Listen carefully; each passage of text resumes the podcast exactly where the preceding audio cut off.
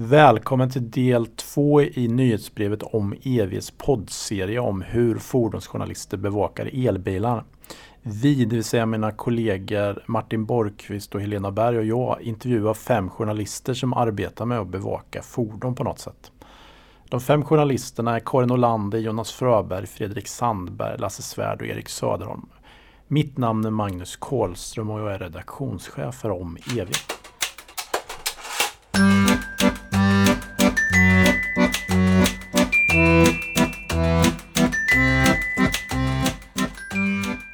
Alla journalisterna vi pratar med funderar vart fordonsbranschen är på väg. Det sker mycket förändringar och det sker snabbt. Och det un de undrar vad det ställer för krav på dem som journalister. Till exempel Erik från bilsajten Recharge funderar mycket kring den frågan. Ja, jag tror att det är nog en kombination av flera olika saker. Till att börja med så underlättar det ju att vara bilintresserad. Det är, att vara lite bilnördig även på fritiden underlättar väldigt mycket. Och eh, jag tror att det blir bättre artiklar av det. Men sen den andra delen där är ju en journalist och det är minst lika viktigt. Att kunna hitta vinklar, att veta vad läsarna vill ha, att känna sin målgrupp, att kunna paketera och bearbeta innehåll på ett sätt som är anpassat för målgruppen eller för läsarna är nog jätteviktigt. Eh, sen så tror jag det blir allt viktigare att eh, jobba lite mer med data och förstå sig på eh, programmering och sånt överhuvudtaget som journalist. Eh, jag tycker det är väldigt kul att gå igenom databaser och stora mängder data och göra lite interaktiva artiklar lite då och då. Det har jag alldeles för lite tid med tyvärr. Men eh, jag tror att, att, att publicera en textartikel utnyttjar liksom 2% av vad internet egentligen kan. Och om vi kan göra något roligt interaktivt eller något kul sätt att presentera saker och ting så är, uppskattas det nog väldigt mycket av besökarna. Mm. Så det tror jag blir en allt viktigare del i det här. Eh, jag tror också att en allt viktigare roll blir nog också att vara lite mer teknikintresserad allmänt. Kanske inte bara med bilar utan det är bra att förstå sig på vad femte generationens mobilnät kommer innebära för självkörande bilar eller hur ett infotainmentsystem i en bil fungerar med mjukvara och sånt. Så det blir nog en smältdegel med teknik och journalistik och bilintresse.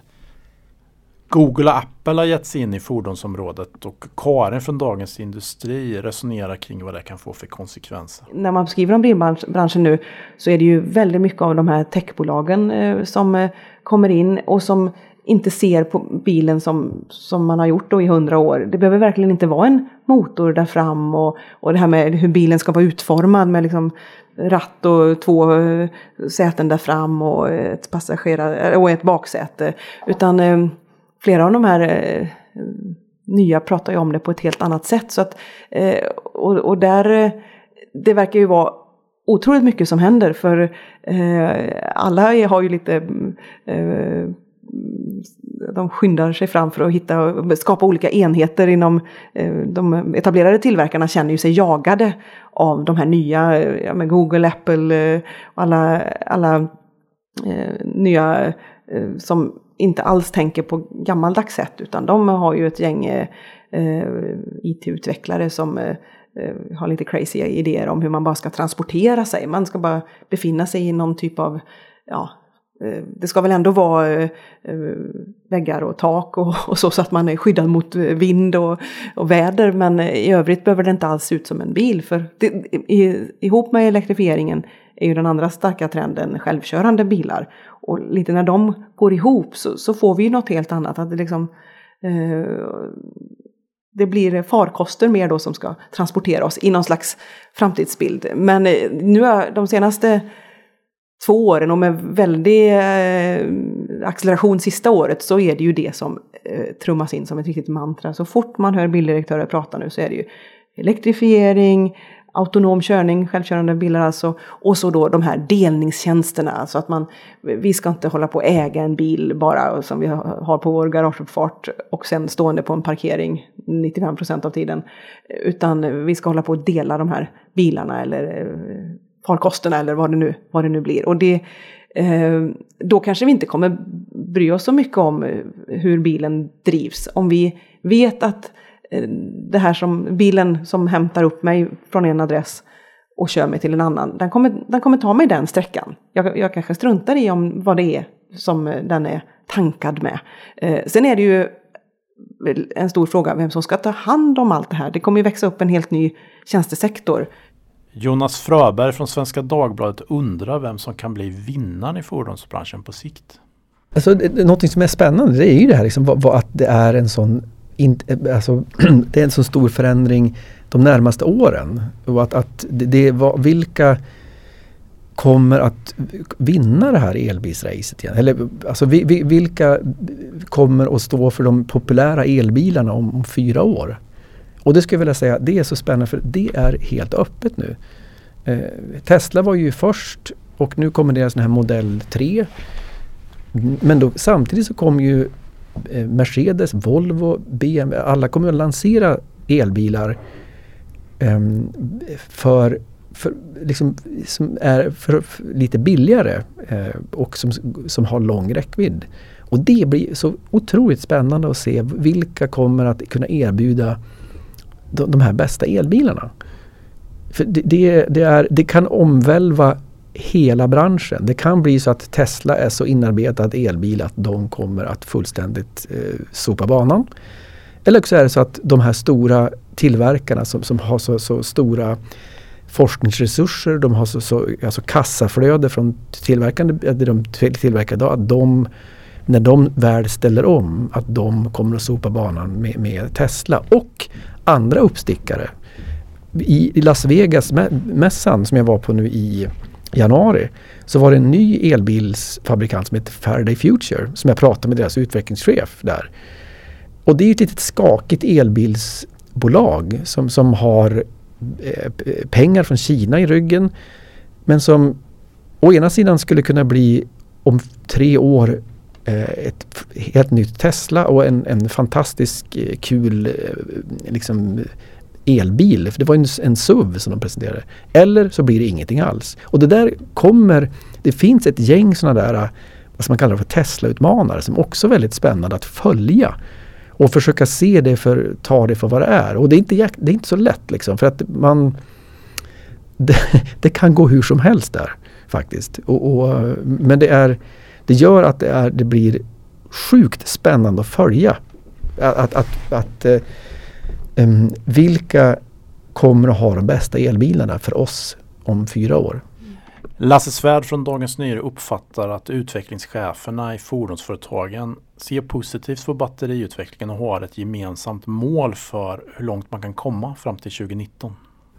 Ja, jag skulle vilja eh, koka ner det till att säga 50-19 och med det menar jag att de hoppas kunna köra 50 mil 2019 på en laddning.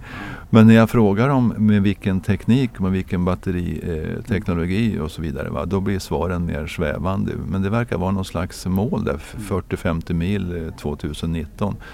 Um, och vad jag förstår så ska det vara litiumjonbatterier men med högre energitäthet. Va? Så att uh, vi får väl se. Uh, men jag tycker det låter väldigt långt.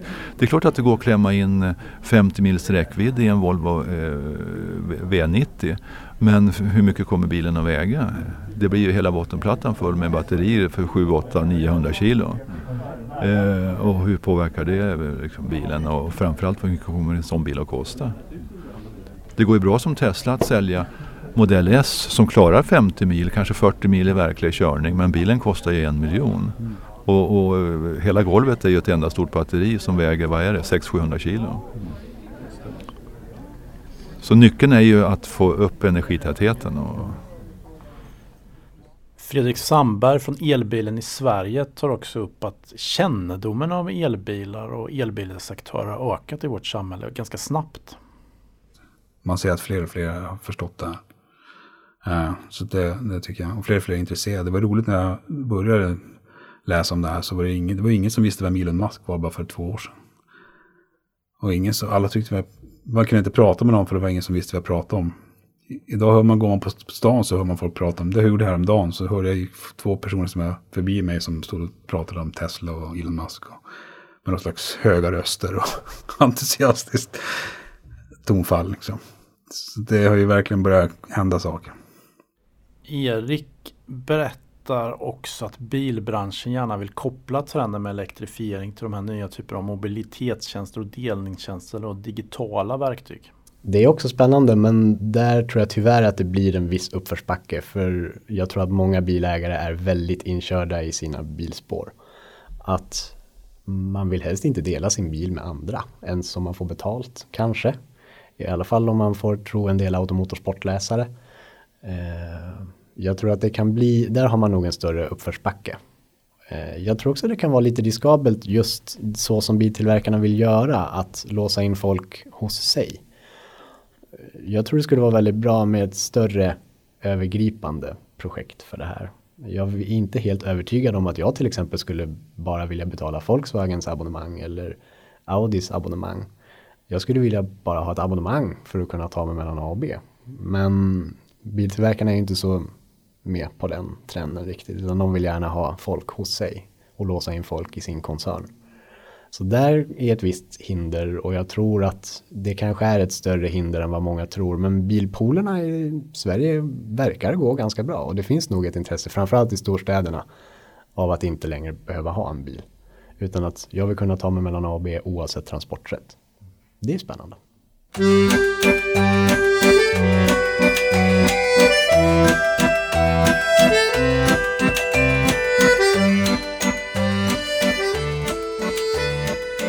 Ibland förekommer det att en del anser att fordonsjournalister är för tveksamma till elbilar och har en kri för kritisk syn på dem. Men är det verkligen så? Karin Olander förklarar varför det delvis låter som de är tveksamma.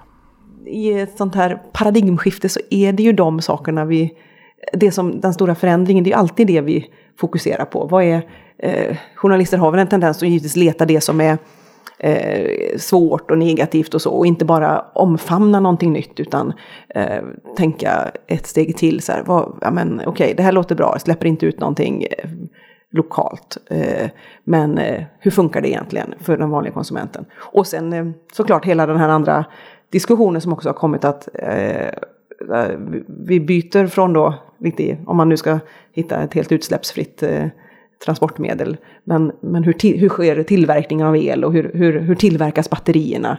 Eh, riskerar vi att göra eh, om eh, ett misstag att vi tror stenhårt på elen, precis som bilindustrin såg eh, de här snåla dieselmotorerna som den här fantastiska lösningen. Nu har vi, nu har vi löst problemen. Vi får ner koldioxidutsläppen, men vi kan köra på samma teknik som vi kan och som vi eh, tjänar massa pengar på.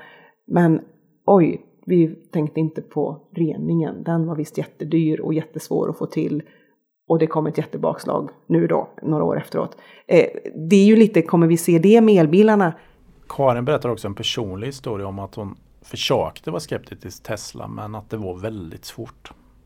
Jag själv faktiskt eh, har ju tänkt lite att ja, men det här Tesla, nu är det, det är nog lite för hypat. Alltså det här är Eh, det är det inte lite sektvarning på de här Tesla-människorna som verkar bara tycka att allt är helt fantastiskt. Eh, och så hade jag hemma en eh, Tesla Model S och det är väldigt svårt att inte bli positiv.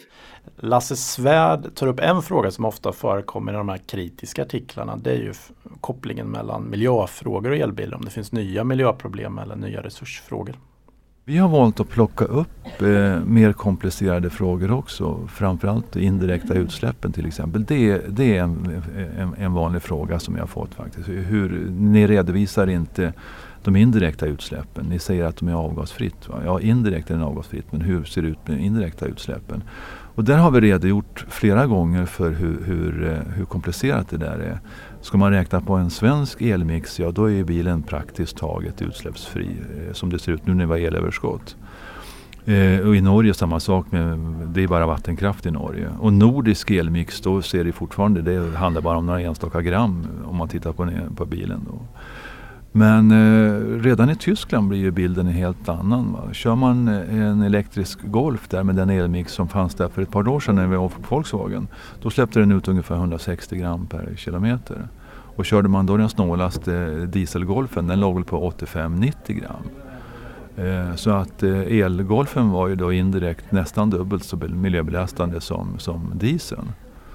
Och skulle man då idag när vi har som eh, hög andel förnybar diesel i Sverige, gjorda tallolja till exempel, eh, då köra golfen på, på förnybar diesel eller rent av syntetisk diesel till 100 procent, ja då, eh, då utklassar ju dieseln elgolfen vad gäller koldioxidutsläpp. Men då har vi problem å andra sidan med kväveoxider och lite annat. Va? Så att det är många problem att, att hantera. Fredrik Sandberg sätter utsläppen från elproduktion till elbilar i ett utvecklingsperspektiv att det kanske är lite orättvist att bedöma elbilar utifrån dagens situation. Elbilar idag är ju en framtidsmaskin i, i en slags förhistoriskt miljö. Alltså en elbil i Polen är ju en, är ju en framtidsmaskin i ett historiskt landskap, en, historiskt energilandskap. Alltså det, är ett, för, det är ett gammalt energisystem som en, en bil som är anpassad för ett helt annat energisystem finns i. Då kan man ju inte skylla på en, bilen. Då måste man ju skylla på energisystemet, det vill säga kolkraftverken där. Man ska ju inte attackera bilen, utan det är kolkraftverken man ska ge sig på då i sådana fall. Och det gäller ju det, det mesta i den här saken. Att en elbil går ju att köra på um, el från sol och vind till exempel. Den går ju också att köra på el från olja som, eller diesel via generator. Men uh, att, att man på något sätt förväntas att hela energisystemet som vi har byggt upp under 200 år ska vara reformerat redan när elbilarna kommer. Det är ju jättekonstigt. Utan elbilarna är ett första steg in i ett reformerat energisystem. Sen kommer ju det här ta tid och ta jätte... Nu kan vi väl börja med att titta på hur ska vi få bort luftföroreningar i städerna som Paris och Oslo. Och Paris, Oslo, London och de här städerna. Som har, även i Sverige har vi massor med, många städer med för höga utsläppsnivåer. Vi kan väl börja där och se till att få bort ner de utsläppsnivåerna med ökad satsning på elbilar. För de släpper ju faktiskt inte ut någonting lokalt. Fredrik är också kritisk till en del artiklar som cirkulerar om miljöfrågan och elbilar. Ja, väldigt mycket desinformation, väldigt mycket studier som görs av forskare som verkar vilja fiska hem billiga poänger. För det är ju alltid ett klickbete det där, att el, så smutsig är elbilen. Det är underbart, det är perfekt därför att den har eh, alla ingredienser av så här kontraintuitiva påståenden om, om att man tror att det förhåller sig på visst sak. Men egentligen är det så här, du är lurad om du tror att det är på det här sättet. Så därför så blir det att egentligen är elbilen väldigt smutsig en väldigt bra nyhet för det får väldigt mycket klick. Vi frågar också om när en ny bensin eller dieselbil släpps. Varför är det inte så att det skrivs om oljans miljöproblem direkt? För ofta när en elbil släpps så blir det ofta en debatt om miljöfrågan kopplat till litium eller vart elen kommer ifrån. Det är inte så att när eh, Volvo lanserar en ny bil då som släpps med en dieselmotor och en bensinmotor i början. Eh, att vi börjar prata om eh, hur är det nu med oljekällorna? De börjar ju sina och, och det sker ju en del eh, övergrepp mot mänskliga rättigheter eh, där det sker eh, upptagning av olja och så. Det, det, det var det jag menar lite att man tar inte upp alla aspekter i alla artiklar. Sen görs det ju istället då eh, nedslag där man pratar om just hur oljebranschen eh, fungerar och att det finns väldigt mycket stora problem. Både att det är en ändlig resurs, den kommer ju ta slut. Och sen följer vi mycket också hur eh, den här kartellbildningen fungerar. Där eh, jag menar OPEC-länderna eh, och, och de här olika oljestaterna eh, själva kan bestämma och strypa tillgången för att höja priserna och så. Det är ju en, det är en marknad som inte sker på helt vanliga marknadsmässiga villkor. Jonas tycker att Svenska Dagbladet har bevakat dieselfrågan ganska hårt till exempel där runt Dieselgate och Volkswagen. Ja, jag vet inte om jag håller med där. Jag, jag tycker att vi Exempelvis har, alltså, har vi på Svenska Dagbladet bevakat eh, dieselfrågan väldigt hårt eh, och varit väldigt kritiska till hela bilindustrin. Eh, hur man har dels försökt lobba Ehm, och eh, sen också hela med, med, med alltså utsläpps, alltså det här med, med eh, kväveoxidutsläppen för dieselbilarna. Liksom. Och det här liksom att man alltid tar upp negativa sakerna med elbilar, det, det tycker jag inte stämmer hos oss. Eh, vi, vi, däremot så måste vi ta upp det eh, också. Men jag tycker inte att det har liksom fått en slagsida åt att titta vad, vad, vad dåligt allting är med elbilarna och liksom det där hotar vi världens resurser med litium och hej och Utan där tycker jag vi ändå har haft en, en, en um, nästan åt andra hållet ibland faktiskt. Liksom att man inte har tagit upp det så mycket alls. Och, och, och Ehm, men, men också att, att för det, det, gäller ju att vara, hålla huvudet kallt. Att, för det, det, vi ska komma ihåg att det är väldigt starka lobbyintressen i, i det här. Och bilindustrin hittills har ju velat lobba väldigt hårt för, för att inte släppa fram elbilarna. Att, att titta på hur bra diesel och bensinmotorn är, hur effektiv dieselmotorn är och hur bra man har renat kväveoxid och så vidare. Men det har ju visat sig vara ett falsarium. Det har ju visat sig inte stämma. De har ju lurat oss på, på, på många sätt. Um, och det har vi skrivit väldigt, väldigt mycket om.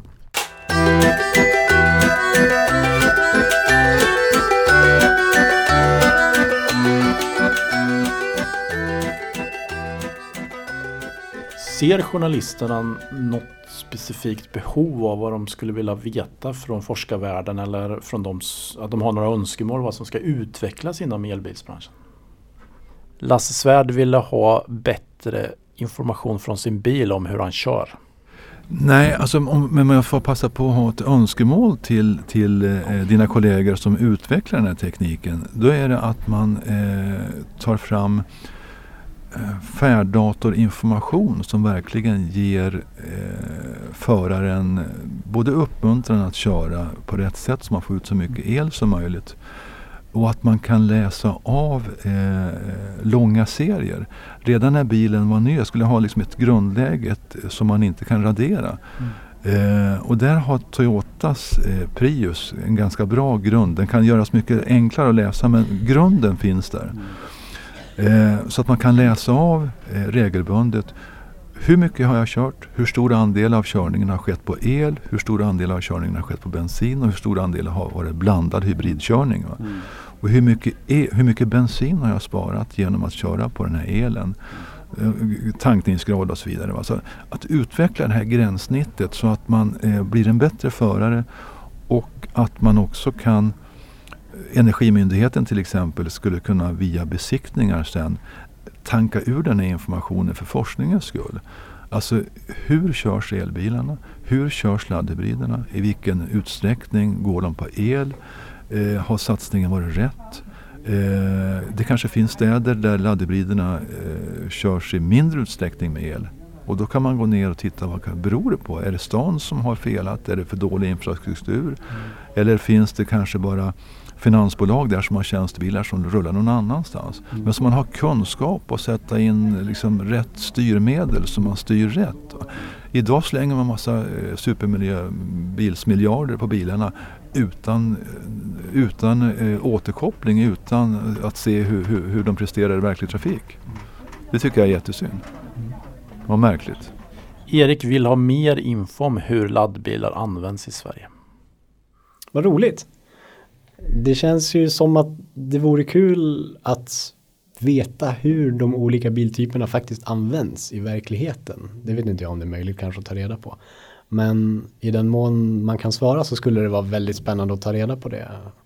Jag är ju övertygad om att en elbil funkar alldeles utmärkt för 9 av 10 svenska hushåll och förmodligen mycket mer i framtiden.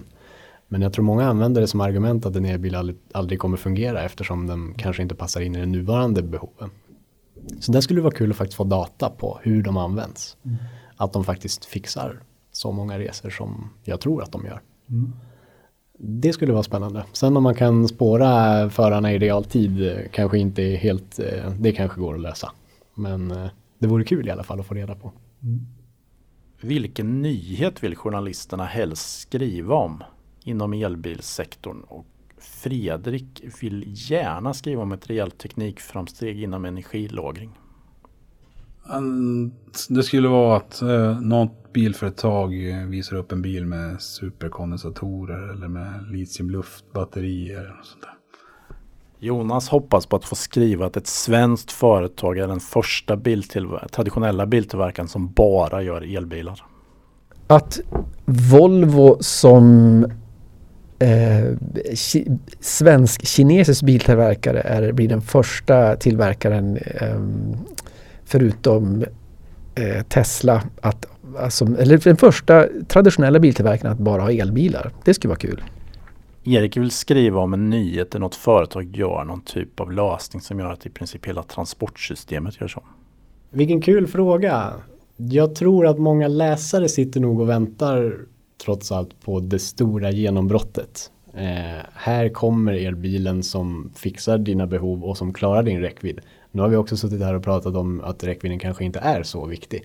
Så jag skulle nog snarare säga att eh, drömmen är ett slags enkelt transportsystem som jag vet hur det fungerar och som fungerar i hela Sverige och kanske också i hela Europa. Kanske i resten av världen också. Det är ett ganska stort mål om man säger så. Det är kanske inte så lätt att genomföra men om jag vet hur det fungerar att ta sig mellan A och B i många olika städer och på många olika sätt.